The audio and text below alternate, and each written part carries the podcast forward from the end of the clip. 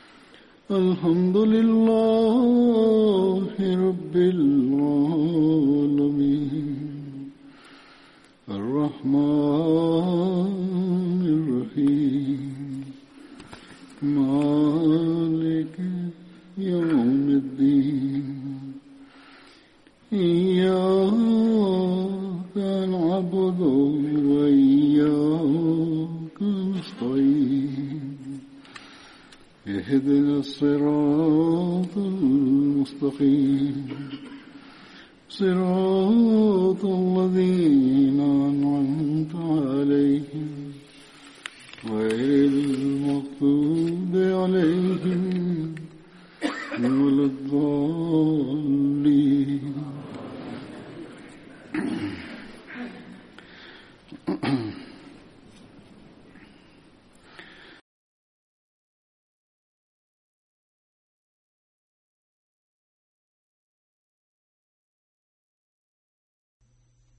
Riwayat hidup sahabat Badar yang akan saya sampaikan pada kesempatan hari ini. Yang pertama adalah Hadrat Abu Mulail bin Al-Az'ar.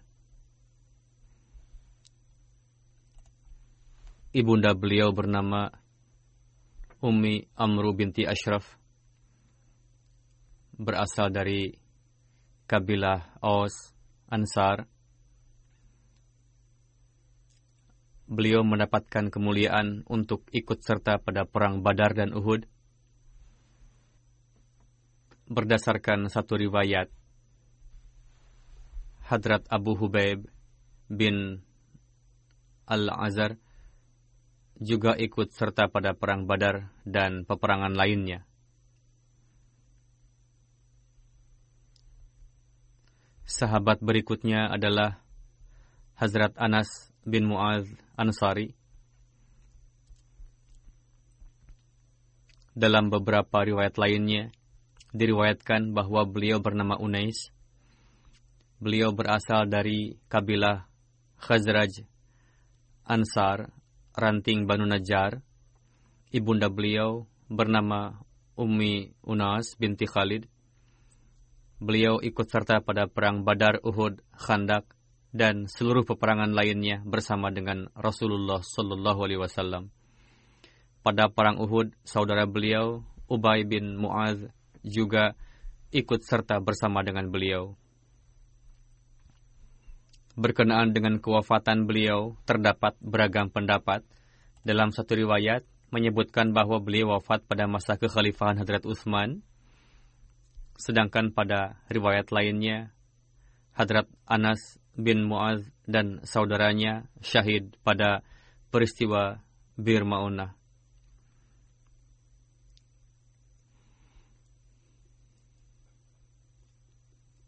Sahabat berikutnya Hazrat Abu Syekh Ubay bin Thabit radhiyallahu taala anhu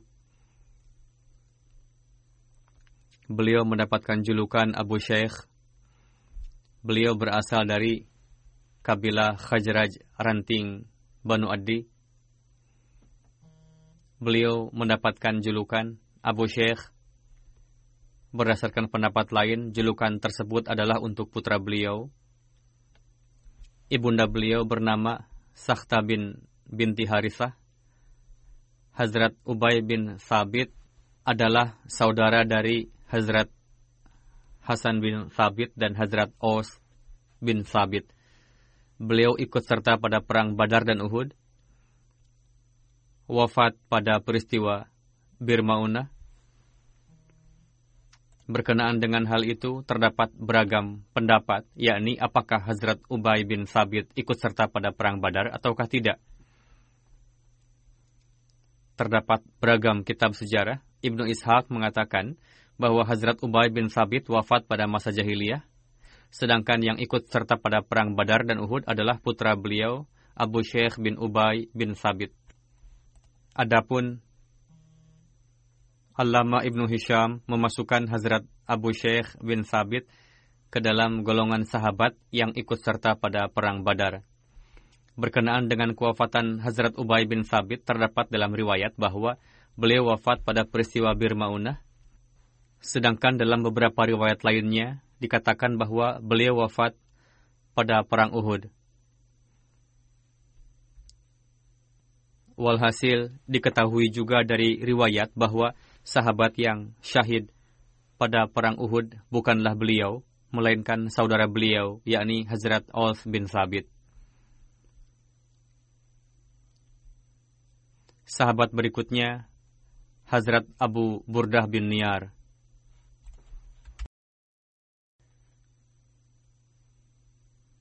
Beliau mendapatkan julukan Abu Burdah. Beliau dikenal dengan nama julukannya, Nama beliau yang sebenarnya adalah Hani. Dalam satu riwayat, beliau bernama Haris, sedangkan dalam riwayat lain disebut juga Malik.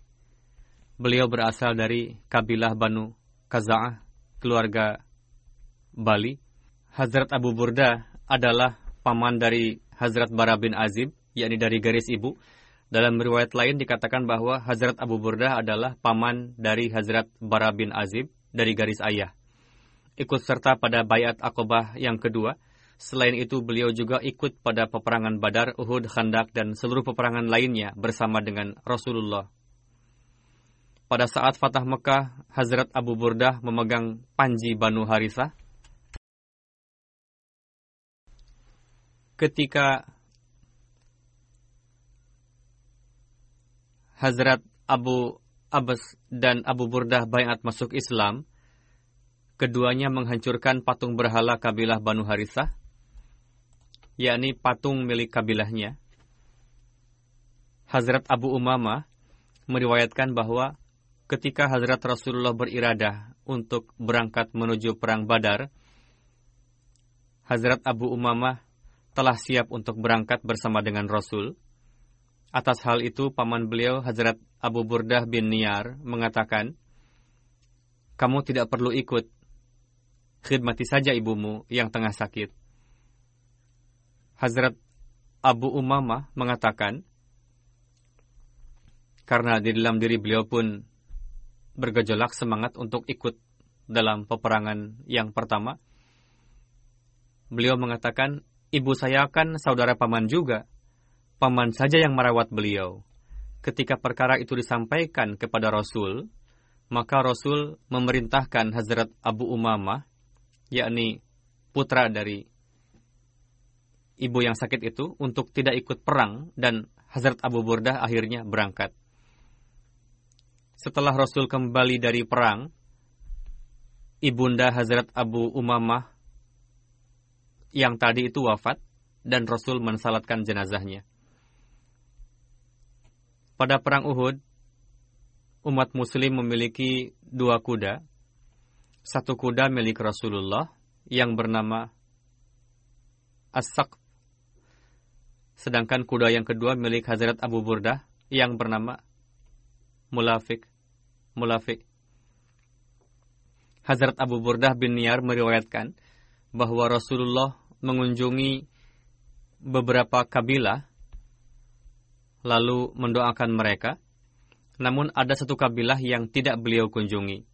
Hal itu membuat penduduk kabilah tersebut bertanya-tanya, apa sebabnya?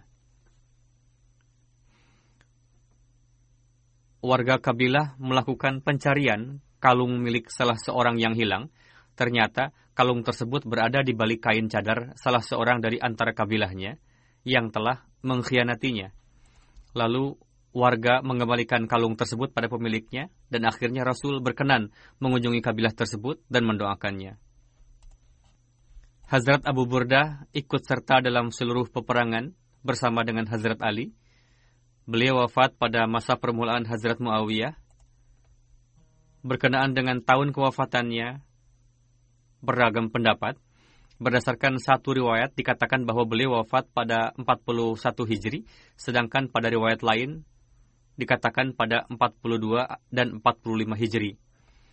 Hazrat Bara bin Azib meriwayatkan bahwa pada hari raya Idul Adha, setelah salat, Rasul bersabda kepada kami, Barang siapa yang melaksanakan salat seperti salat kami, berkurban seperti yang kami lakukan, berarti kurbannya adalah benar. Adapun barang siapa yang berkurban sebelum salat, berarti itu bukanlah kurban. Jika berkurban sebelum dilakukan salat id, itu sama saja seperti menyembelih kambing untuk makan daging. Lalu Hazrat Abu Burdah bin Niyar bangkit, berkata, Wahai Rasul, saya telah mengorbankan kambing sebelum berangkat untuk salat id. Saya beranggapan bahwa hari ini adalah hari untuk makan minum. Untuk itu saya tergesa-gesa, lalu memakannya dan membagikannya juga kepada keluarga dan tetangga. Rasulullah bersabda, berarti kambing tersebut hanya untuk dimakan dagingnya saja, tidak terhitung sebagai kurban. Hazrat Abu Burdah mengatakan, saya memiliki kambing muda berumur satu tahun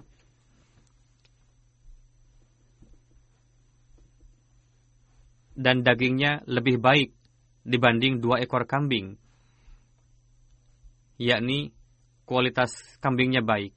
Meskipun masih berumur satu tahun, namun kondisinya lebih baik dari dua ekor kambing, sehat, gemuk.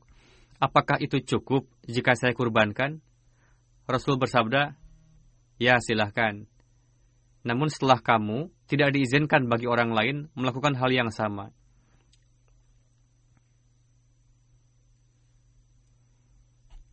dari hadis-hadis lainnya pun kita mendapatkan bahwa kurban hendaknya dilakukan setelah salat id dan ditetapkan juga umur hewan yang seharusnya. Berkenaan dengan hal itu, suatu ketika pernah ditanyakan dalam suatu majelis ke hadapan Hazrat Masih salam, yakni berapa seharusnya umur kambing yang dikurbankan, Lalu Hazrat Masih salam meminta Hazrat Khalifatul Masih yang pertama, yang saat itu tengah duduk dalam majelis tersebut, untuk menjawabnya. Beliau radhiyallahu anhu berkata, menurut golongan ehli hadis, yakni kambing yang dikurbankan mesti berumur dua tahun, atau di negeri kita terdapat tradisi yang mengatakan bahwa si kambing harus sudah muncul dua gigi besar di bagian depannya.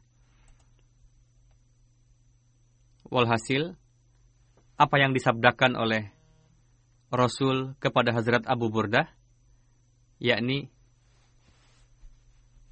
Aku akan terima kurbanmu yang masih berumur satu tahun ini, namun untuk masa yang akan datang tidak diizinkan bagi siapa pun untuk melakukan hal yang sama. Bahkan hendaknya kambing muda, baik jantan maupun betina. Dan cara-cara ini juga lah yang biasa diamalkan dalam jemaat atau dalam fatwa jemaat seperti sabda Hazrat Masih salam yang saya sampaikan tadi. Sahabat berikutnya adalah Hazrat Asad bin Yazid. Ayah beliau bernama Yazid bin Al-Faqi, berasal dari kabilah Khazrat Ansar, ranting Banu Zuraik. Beliau ikut serta pada perang Badar dan Uhud bersama dengan Rasulullah. Alih-alih nama Asad, Allama Ibnu Ishaq menyebutnya dengan nama Sa'ad bin Yazid. Berkenaan dengan nama Hazrat Asad bin Yazid terdapat beragam pendapat. Sebagian orang menyebutnya Sa'ad bin Zaid, Sa'ad bin Al-Faqi, dan Sa'ad bin Yazid. Sahabat berikutnya, Hazrat Tamim bin Yar Ansar. Ayahanda beliau bernama Yar, berasal dari kabilah Khajraj Ansar dari ranting Banu Judarah bin Auf bin Al-Harith. Beliau ikut serta pada perang Badar dan Uhud bersama dengan Rasulullah. Putra-putri beliau di antaranya Rabi dan Jumailah. Ayah beliau berasal dari kabilah Banu Amru.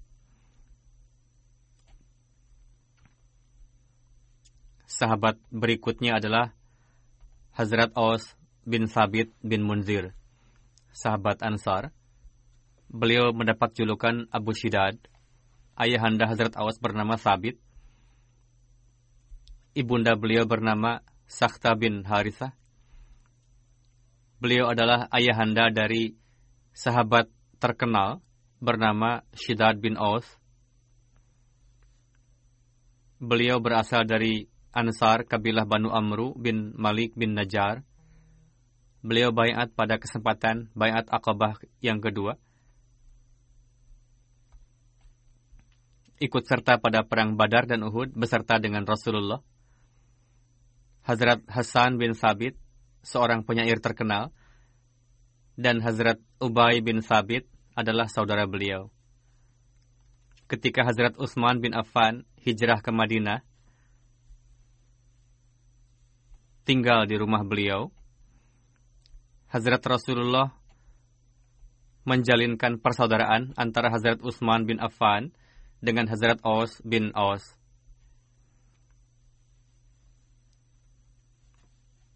Berkenaan dengan kewafatan beliau, Abdullah bin Muhammad bin Ammarah Ansari meriwayatkan bahwa beliau syahid pada Perang Uhud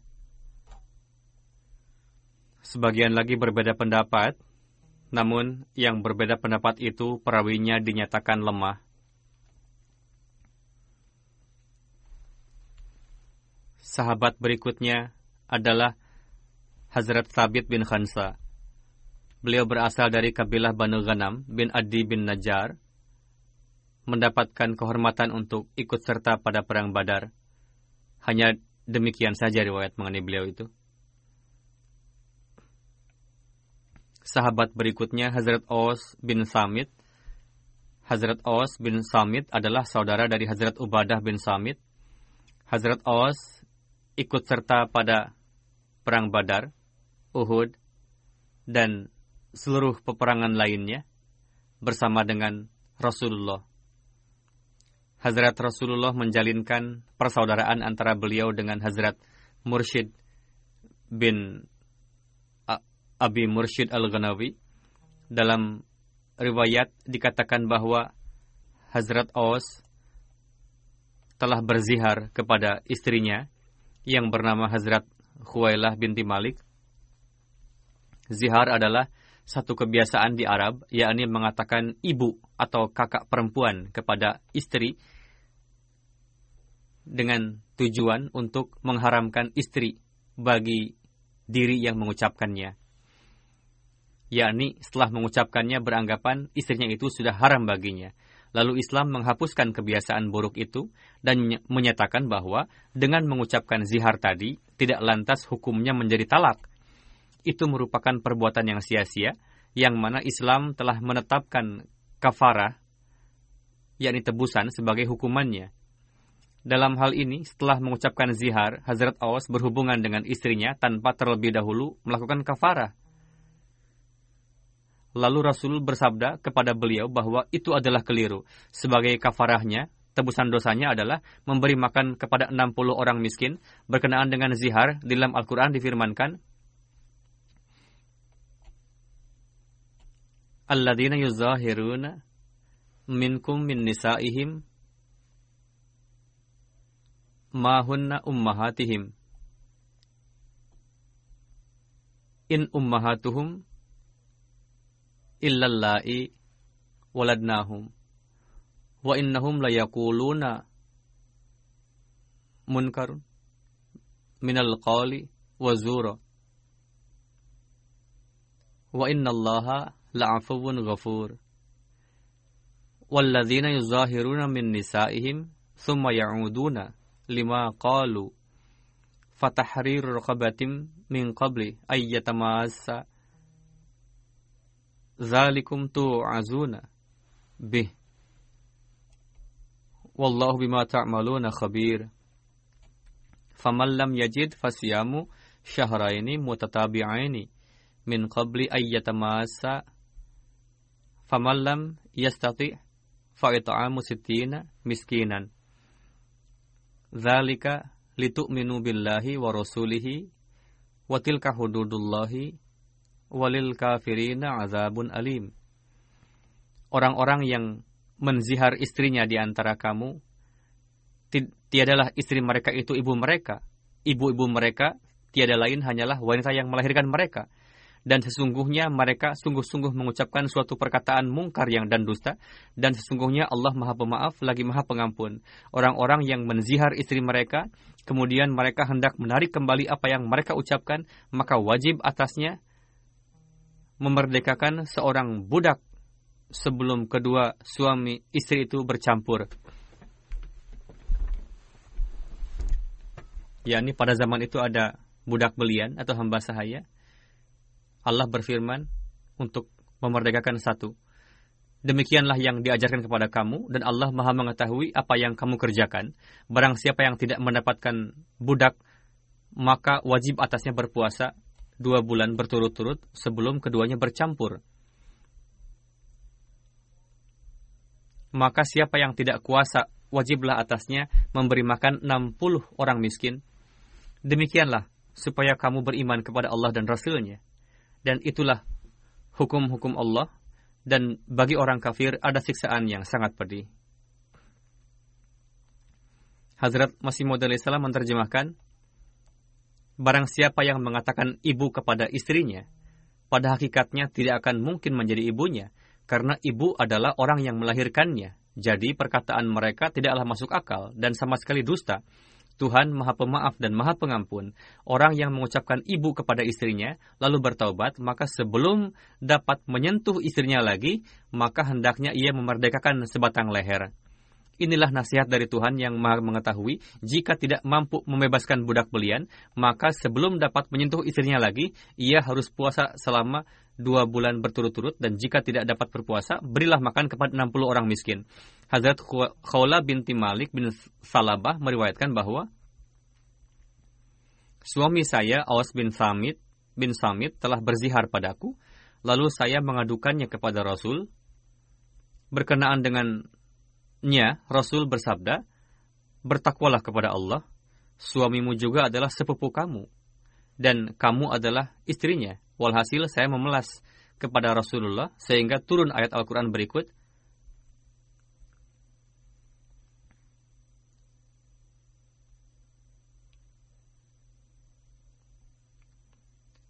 yang berbunyi qad sami Allahu qaulal lati tujadiluka fi zawjiha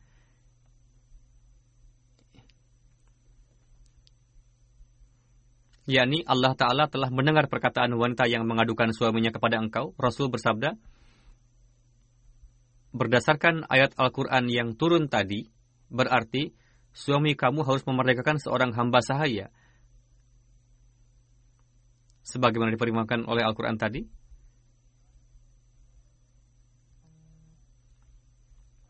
Lalu saya memohon, suami saya tidak mampu untuk melakukannya karena ia miskin. Rasulullah bersabda, kalau begitu berpuasa selama dua bulan berturut-turut. Lalu saya berkata, wahai Rasul, umurnya saat ini sudah tidak mampu lagi untuk berpuasa begitu lama. Lalu Rasul bersabda, kalau begitu beri makan 60 fakir miskin. Saya berkata, ia tidak mempunyai harta untuk itu. Khuailah berkata, Ketika saya tengah duduk saat itu, datanglah orang yang membawa hadiah satu wadah kurma untuk Rasulullah. Saya berkata, kalau begitu, saya akan membantu suami saya dengan satu wadah kurma lainnya lagi, yakni jika Rasul berkenan memberikannya kepada saya ini, maka akan diusahakan satu wadah kurma lagi. Rasul bersabda, baiklah, bawa kurma ini, bagikanlah darinya untuk 60 fakir miskin pergilah kepada sepupumu itu, yakni suaminya. Dengan melakukan zihar seperti itu tidak lantas kamu menjadi ibunya. Melalui riwayat para sahabat ini, serta-merta kita mendapatkan solusi dari beberapa permasalahan. Hazrat Ibnu Abbas meriwayatkan bahwa peristiwa zihar yang paling pertama pada masa Islam adalah peristiwa Hazrat Aus bin Samit.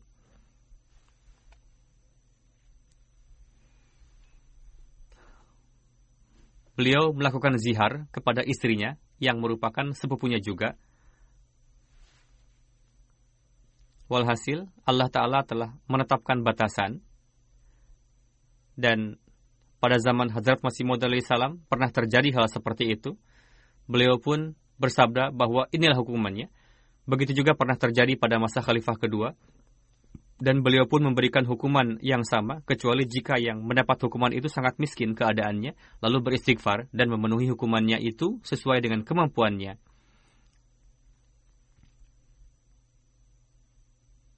Allah Ta'ala telah menetapkan batasan jika ada yang melakukan zihar, yakni hukuman. Ada sebagian orang yang sudah terbiasa jika menghadapi hal yang sepele saja, langsung terjadi percekcokan dan mengatakan bahwa aku telah mengharamkan kamu, engkau bagaikan ibuku, atau anu, atau bersumpah. Sebagai hukuman tebusan atas perbuatan seperti itu, hukuman yang telah Allah Ta'ala tetapkan adalah memerdekakan hamba sahaya atau puasa dua bulan atau memberi makan 60 fakir miskin. Hazrat Awas bin Samit adalah seorang penyair juga. Hazrat Awas bin Samit dan Hazrat Shidad bin Awas Ansari tinggal di area Baitul Muqaddas. Beliau wafat di bumi Palestina di daerah Ramlah tahun 34 Hijri pada usia 72 tahun.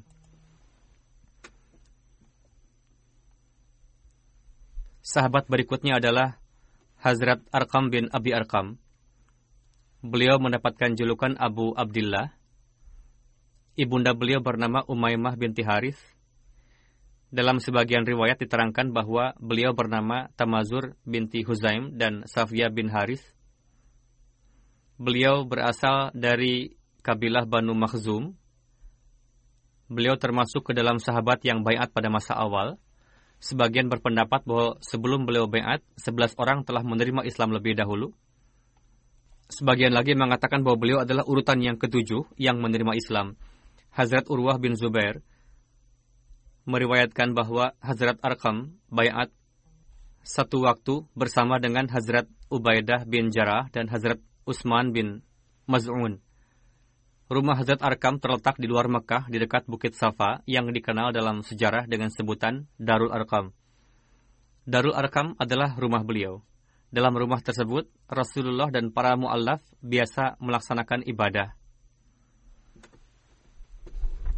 Di rumah ini jugalah Hazrat Umar bayat. Pasca bayatnya Hazrat Umar, jumlah umat muslim menjadi 40 orang dan mulai memperlihatkan diri keluar rumah. Pada akhirnya, rumah tersebut dijual oleh cucu Hazrat Arkam kepada Abu Ja'far Mansur. Berkenaan dengan itu, Hazrat Mirza Bashir Ahmad menulis dalam buku Sirat Khatam Nabiyyin sebagai berikut. Berkenaan dengan markaz Islam pertama, Darul Arkam, beliau menulis, timbul pemikiran dalam benak Rasulullah untuk mendirikan pusat tablik Islam pertama, di mana di dalamnya umat Islam dapat berkumpul untuk melaksanakan ibadah salat dan kegiatan lainnya tanpa ada gangguan dan secara rutin dapat bertablik dengan damai, tentram dan diam-diam di dalamnya. Untuk tujuan tersebut diperlukan suatu bangunan yang berstatus sebagai markaz. Dalam hal ini Rasul menyukai rumah seorang mubayi baru, Hazrat Arkam bin Arkam bin Abi Arkam yang terletak di lereng Bukit Safa. Setelah itu ada umat muslim biasa berkumpul di dalamnya, melakukan ibadah salat, dan para pencari kebenaran juga datang ke tempat itu untuk menyimak tabligh Islam. Mereka juga datang untuk dapat menjalin kedekatan dengan Rasulullah dan Rasulullah menabrigi mereka. Untuk itu rumah tersebut dikenal secara khusus dalam sejarah dan dikenal juga dengan sebutan Darul Islam Hazrat Rasulullah mengkhidmati Islam di Darul Arkam selama lebih kurang tiga tahun, yakni pada tahun keempat pasca pendakwaan, beliau menjadikannya sebagai markaz dan beliau terus melangsungkan misi tersebut sampai pada akhir tahun keempat.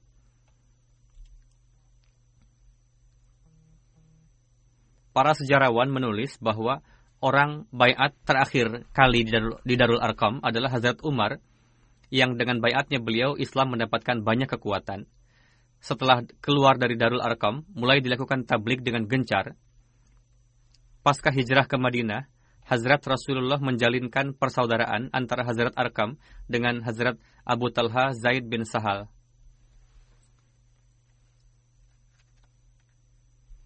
Hazrat Arkam ikut serta dalam perang Badar bersama dengan Rasulullah. Di antara harta rampasan perang, Hazrat Rasulullah memberikan sebilah pedang kepada beliau. Hazrat Arkam ikut serta pada perang Badar, Uhud, dan seluruh peperangan lainnya bersama dengan Rasulullah. Rasulullah juga memberikan sebuah rumah kepada beliau di Madinah. Rasulullah juga pernah menunjuk beliau sebagai juru pungut sedekah.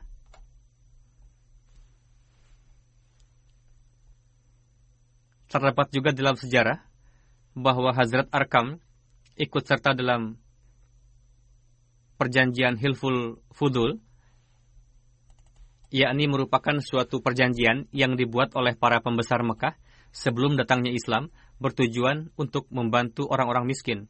Hadrat Rasulullah juga termasuk dalam keanggotaannya. Putra Hazrat Arkam, Hazrat Utsman bin Arkam meriwayatkan bahwa ayah saya wafat pada tahun 53 Hijri pada usia 83 tahun. Sebagian orang mengatakan bahwa beliau wafat pada 55 Hijri. Hazrat Arkam telah mewasiatkan supaya setelah wafatnya nanti yang mengimami salat jenazahnya adalah Hazrat Sa'ad bin Abi Waqqas. Ketika beliau wafat, Hazrat Sa'ad bin Abi Waqqas tengah berada di daerah Akik yang jaraknya jauh. Marwan mengatakan, Bagaimana mungkin sahabat Rasul tidak dapat dikuburkan tanpa kehadiran seseorang? Yang mana jenazahnya disimpan sampai beliau datang dan berkeinginan untuk disalatkan oleh beliau. Namun Ubaidullah bin Arkam tidak menuruti perkataan Marwan, sehingga salat jenazahnya dapat dilakukan setelah datangnya Hazrat Sa'ad bin Abi Waqqas, lalu dimakamkan di Jannatul Baqi. Berkenaan dengan beliau, terdapat satu riwayat lain. Suatu ketika Hazrat Arkam berniat untuk melakukan safar ke Baitul Muqaddas, lalu memohon izin dari Rasulullah untuk berangkat. Rasul bertanya, Apakah kamu pergi untuk suatu keperluan atau urusan dagang? Hazrat Arkam menjawab, Wahai Rasul, Aku rela mengorbankan kedua orang tuaku demi engkau. Saya pergi bukan untuk suatu keperluan ataupun dagang, melainkan saya ingin salat di Baitul Muqaddas. Rasul bersabda, satu salat yang dilakukan di masjidku lebih baik dibanding ribuan salat yang dilakukan di masjid lain, yakni di sini di Madinah selain Ka'bah. Lalu Hazrat Arkam merubah rencananya. Sahabat berikutnya adalah Hazrat Basbas bin Amru Dalam satu riwayat, beliau bernama Basbas bin Bishr. Hazrat Basbas berasal dari Ansar kabilah Banu Sa'idah bin Ka'ab bin Khazraj. Menurut Urwah bin Zubair, beliau berasal dari Banu Zuraif bin Khazraj. Beliau ikut serta pada perang Badar, termasuk ke dalam sahabat Ansar. Beliau juga dikenal dengan nama Busaisah atau Busais dan Bas Basah juga. Selain perang Badar, beliau juga ikut serta pada perang Uhud.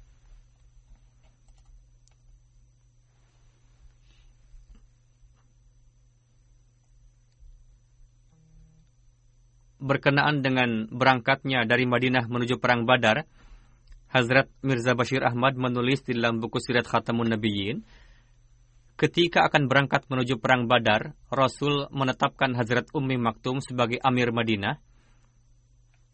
Namun ketika beliau sampai di daerah Rauhah yang berjarak 36 mil dari Madinah, karena berpikir bahwa Hazrat Ummi Maktum tunanetra, sedangkan Madinah diharapkan dapat dikelola dengan baik untuk menghadapi ancaman kedatangan Laskar Quraisy, Lalu Rasul menetapkan Abu Lubabah bin Munzir sebagai Amir Madinah dan memulangkan beliau. Rasul pun menetapkan Abdullah Umi Maktum sebagai imam salat. Rasul menugaskan Asim bin Adi sebagai amir secara tersendiri untuk penduduk Ka'bah Madinah. Dari sana beliau juga mengutus dua sahabat, yakni Busais atau Basbas dan Adi bin Adi untuk mencari informasi tentang gerakan dan rencana musuh, lalu memerintahkan untuk segera kembali setelah mendapatkan kabar.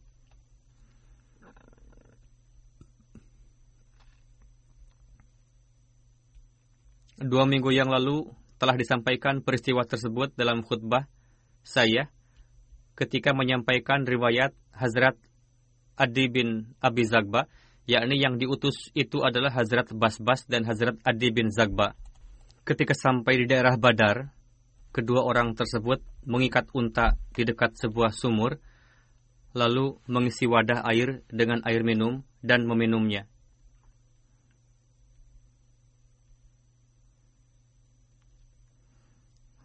Saat itu mereka mendengarkan dua wanita yang tengah berbincang berkenaan dengan akan datangnya suatu kafilah. Di sana juga berdiri seorang pria.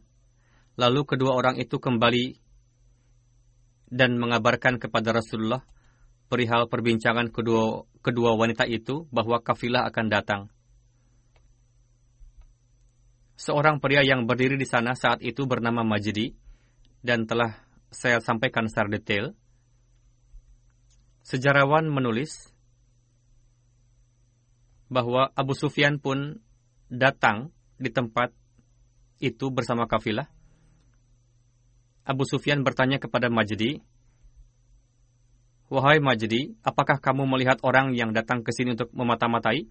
Abu Sufyan juga bertanya, jika kamu menyembunyikan kabar musuh dari kami, maka tidak akan ada seorang pun warga Quraisy yang akan berdamai dengan kamu.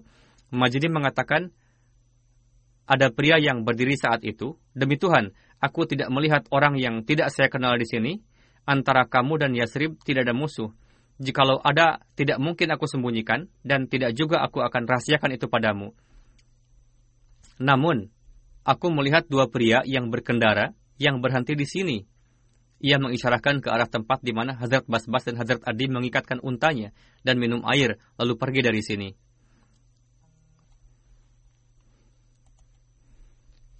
Lalu Abu Sufyan mengangkat dan memecahkan kotoran unta untuk mengetahui perihal pengintaian itu. Setelah dipecahkan kotoran unta yang sudah kering itu, keluar dari belahan kotoran itu biji-biji kurma Lalu Abu Sufyan mengatakan, Demi Tuhan, memang benar biji kurma ini adalah makanan ternak, makanan ternak penduduk Yasrib, yakni Madinah. Berarti kedua orang itu datang dari Yasrib yang notabene merupakan kawannya Muhammad yang ditugaskan untuk memata-matai. Dari kotoran unta ini, saya memprediksi tujuan kedua orang itu. Saya rasa mereka masih dekat di sekitar sini. Setelah itu, ia cepat-cepat pergi dari sana membawa kafilahnya. Pada zaman itu, orang-orang Arab dapat memprediksi perihal pengintaian dan sangat mahir dalam melakukannya.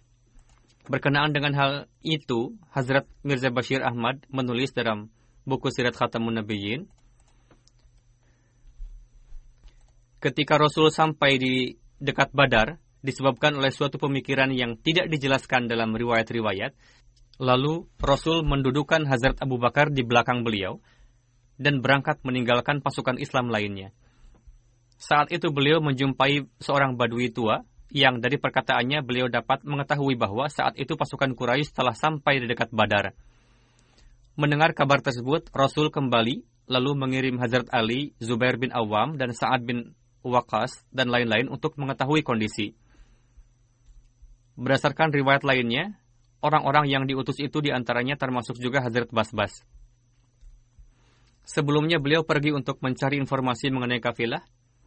Sekarang setelah diketahui bahwa laskar pasukan akan datang, mereka diutus untuk mencari informasi mengenai laskar musuh. ketika mereka sampai di lembah Badar, tiba-tiba apa yang mereka lihat?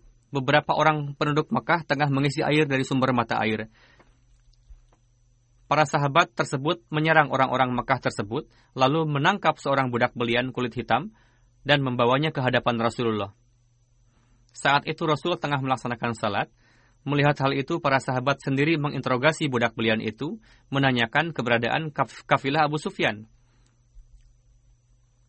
Karena hamba sahaya itu datang bersama dengan Laskar untuk perang badar, sehingga ia tidak mengetahui keberadaan kafilah Abu Sufyan.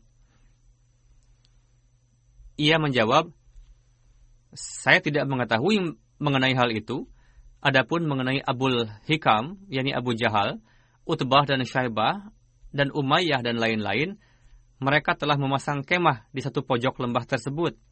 Sahabah yang hanya mengetahui perihal kafilah dan itu yang ada di benak mereka, sehingga para sahabat menganggap si tawanan itu berdusta, yang secara sengaja ingin menyembunyikan kabar mengenai kafilah. Atas hal itu, sebagian para sahabat memukulinya supaya ia mau membocorkan rahasianya. Ketika merasa tersiksa, tawanan itu mengiyakan untuk menceritakan, namun setelah dihentikan, ia memberi jawaban seperti semula bahwa ia tidak tahu menau mengenai kafilah Abu Sufyan. Sedangkan Abu Jahal datang membawa laskar dan tidak jauh dari sana posisinya. Ketika Rasul mendengar perkataan itu, setelah selesai salat, Rasul segera memerintahkan para sahabat untuk menghentikan pemukulan lalu bersabda, ia telah mengatakan yang sebenarnya, kenapa kalian masih memukulinya dan menuduhnya berdusta? Lalu Rasul bertanya dengan lemah lembut, Rasul, di manakah posisi Laskar saat ini? Tawanan menjawab, saat ini Laskar berada di belakang bukit kecil yang ada di bagian depan. Rasul bertanya, berapa jumlah orang dalam pasukan itu? Tawanan menjawab, banyak sekali, tapi jumlahnya saya tidak tahu. Rasul bertanya, baik, berapa unta yang disembelih untuk memberi makan pasukan itu? Tawanan menjawab, sepuluh unta. Sepuluh unta disembelih setiap harinya untuk konsumsi pasukan itu selain yang lain-lainnya. Lalu Rasul bersabda kepada para sahabat, jika yang disembelih itu sepuluh unta, artinya pasukan itu berjumlah seribu orang. Dan memang benar demikian jumlah pasukannya.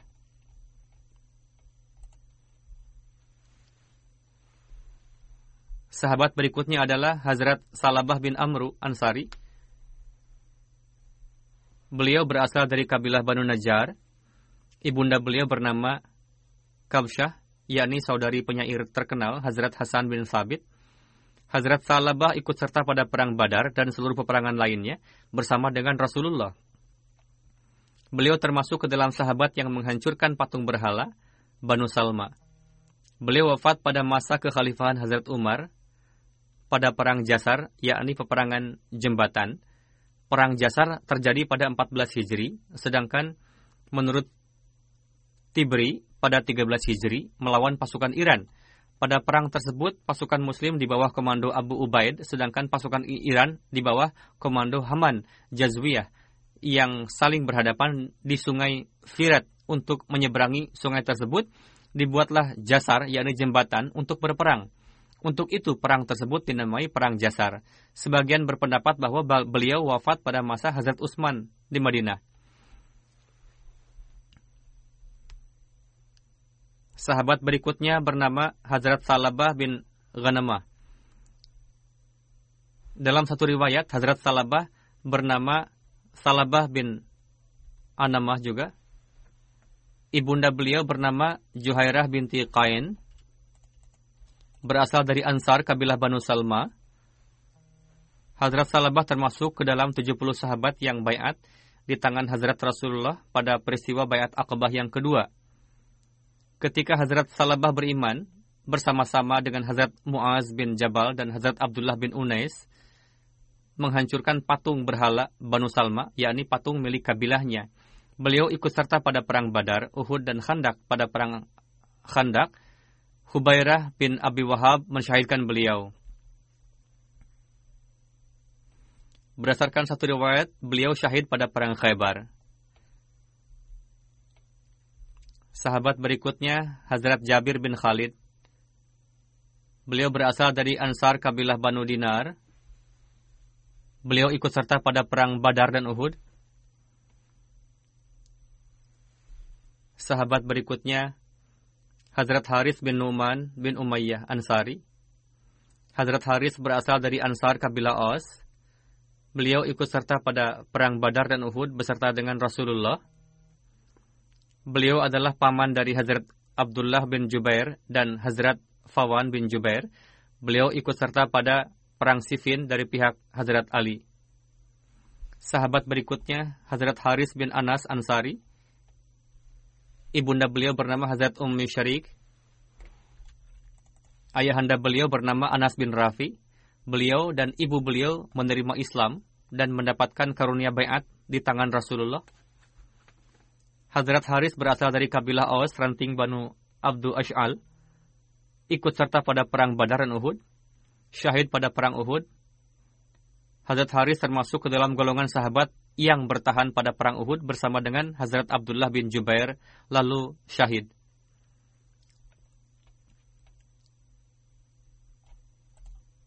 Sahabat berikutnya adalah Hazrat Huraish bin Zaid Ansari. Dalam satu riwayat beliau bernama Zaid bin Salabah. Hazrat Huraish berasal dari kabilah Khajraj ranting Banu Zaid bin Harith. beliau ikut serta pada perang Badar bersama dengan saudara beliau Hazrat Abdullah yang notabene telah diperlihatkan ru'ya kepadanya perihal azan. Beliau juga ikut serta pada perang Uhud. Kepada saudara beliau juga disampaikan ucapan azan. Sahabat beli berikutnya adalah Hazrat Harisah bin Asimah. Beliau berasal dari Ansar, kabilah Banu Najjar, beliau syahid pada peristiwa Bir Maunah. Hazrat Rasulullah menjalinkan persaudaraan antara beliau dengan Hazrat Suhaib bin Sinan. Ketika Hazrat Haris berangkat menuju perang Badar bersama dengan Rasulullah dan sampai di daerah Ar-Ruh, beliau tidak mampu melanjutkan perjalanan lebih jauh. Lalu Rasulullah memulangkan beliau ke Madinah, namun beliau mendapatkan bagian harta rampasan seperti halnya para pejuang Badar lainnya yakni meskipun pada zahirnya beliau tidak ikut serta berperang, namun beliau telah ikut berangkat menuju perang Medan Badar dengan semangat dan kesehatan beliau tidak mengizinkan atau sakit. Untuk itu, beliau dipulangkan kembali. Namun setelah melihat niat dan semangat beliau untuk berperang, Rasulullah memasukkan beliau ke dalam golongan sahabat yang ikut serta dalam perang Badar. Beliau ikut serta pada perang Uhud. Ketika orang-orang berpencaran pada perang Uhud, Hazrat Haris tetap bertahan beliau telah bertekad untuk berjuang sampai titik darah penghabisan. Beliau berhasil membunuh Utsman bin Abdullah bin Mughirah, Makhzumi, yakni Hazrat Haris, menguasai pakaian dan peralatan perangnya, di antaranya pedang dan pakaian besi.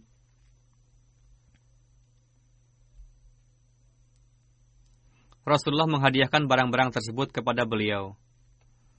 Ketika Rasul mendengarkan kabar kewafatan Hazrat Utsman bin Abdullah, bersabda, Segala puji bagi Allah. Orang yang telah membunuhnya adalah musuh yang berbahaya. Ia adalah seorang musyrik yang mana datang dengan persenjataan lengkap untuk mencelakakan Rasulullah pada perang Uhud.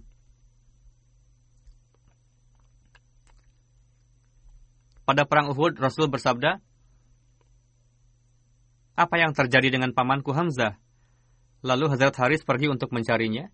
Ketika Hazrat Haris tak kunjung datang juga, Hazrat Ali pergi menyusul dan sampai kepada Haris, ternyata Hazrat Hamzah telah syahid.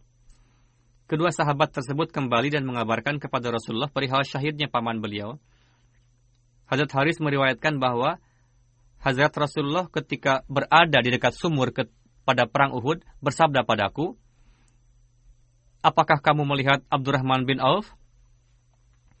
Saya berada di lereng gunung dan beliau tengah diserang oleh kaum musyrikin, yakni Abdurrahman bin Auf. Saya pergi menuju kepada beliau untuk membantu beliau, namun pandangan saya tertuju kepada Rasul. Lalu saya datang menghampiri Rasulullah. Rasulullah bersabda, malaikat tengah melindungi Hazrat Abdurrahman bin Auf. Dalam riwayat lain, Nabi Karim bersabda, malaikat tengah ikut bertarung menyertai beliau. Hazrat Haris mengatakan, saya pergi menuju Abdurrahman bin Auf, lalu kembali lagi. Setelah perang selesai, saya melihat ada tujuh musuh yang terbunuh. Saya bertanya, apakah Anda yang membunuh mereka semua? Abdurrahman menjawab, saya berhasil membunuh yang tiga orang itu, namun saya tidak mengetahui siapa yang membunuh empat orang selebihnya. Saya katakan, memang benar apa yang dikatakan oleh Allah dan Rasulnya, yakni malaikat tengah membantunya. Hadrat Haris ikut serta pada peristiwa Bir Maunah. Ketika peristiwa tersebut tengah terjadi dan para sahabat disyahidkan, saat itu Hadrat Haris dan Amru bin Umayyah tengah memberi makan unta-unta. Sementara dalam kitab dalam kitab Sirat Ibnu Hisham tertulis dua sahabat yakni Hazrat Amru bin Umayyah dan Hazrat Munzir bin Muhammad. Walhasil dalam beberapa kitab riwayat tertulis dua sahabat tadi tengah memberi makan unta. Berdasarkan riwayat yang menyatakan bahwa ketika kedua sahabat tersebut sampai di perkemahan, terlihat ada burung-burung. Sehingga beranggapan kawan-kawannya telah syahid. Hazrat Haris berkata kepada Hazrat Amru, bagaimana pendapat Anda? Amru mengatakan, saya rasa kita harus kembali kepada Rasulullah untuk mengabarkan hal ini. Hazrat Haris mengatakan, saya tidak akan tinggalkan tempat ini di mana Munzir telah terbunuh. Lalu beliau maju, bertarung, dan akhirnya syahid. Hazrat Abdullah bin Abi Bakar mengatakan, Haris syahid dengan tombak yang dilontarkan kepada beliau secara terus-menerus oleh musuh yang menancap di tubuh beliau, sehingga beliau syahid.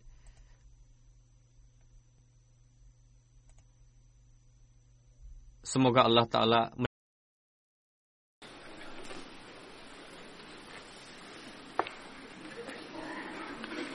الحمد لله الحمد لله نحمده ونستعينه ونستغفره ونؤمن به ونتوكل عليه. ونعوذ بالله من شرور أنفسنا ومن سيئات أعمالنا. من يهده الله فلا مضل له ومن يضلل فلا هادي له.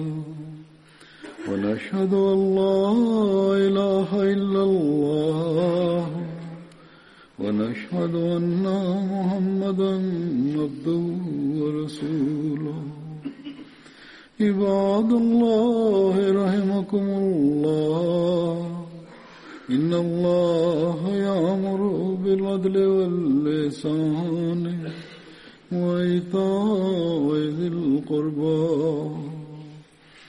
وينهى عن الفحشاء والمنكر والبغي يعظكم لعلكم تذكرون اذكروا الله يذكركم وادعوه يستجب لكم ولذكر الله أكبر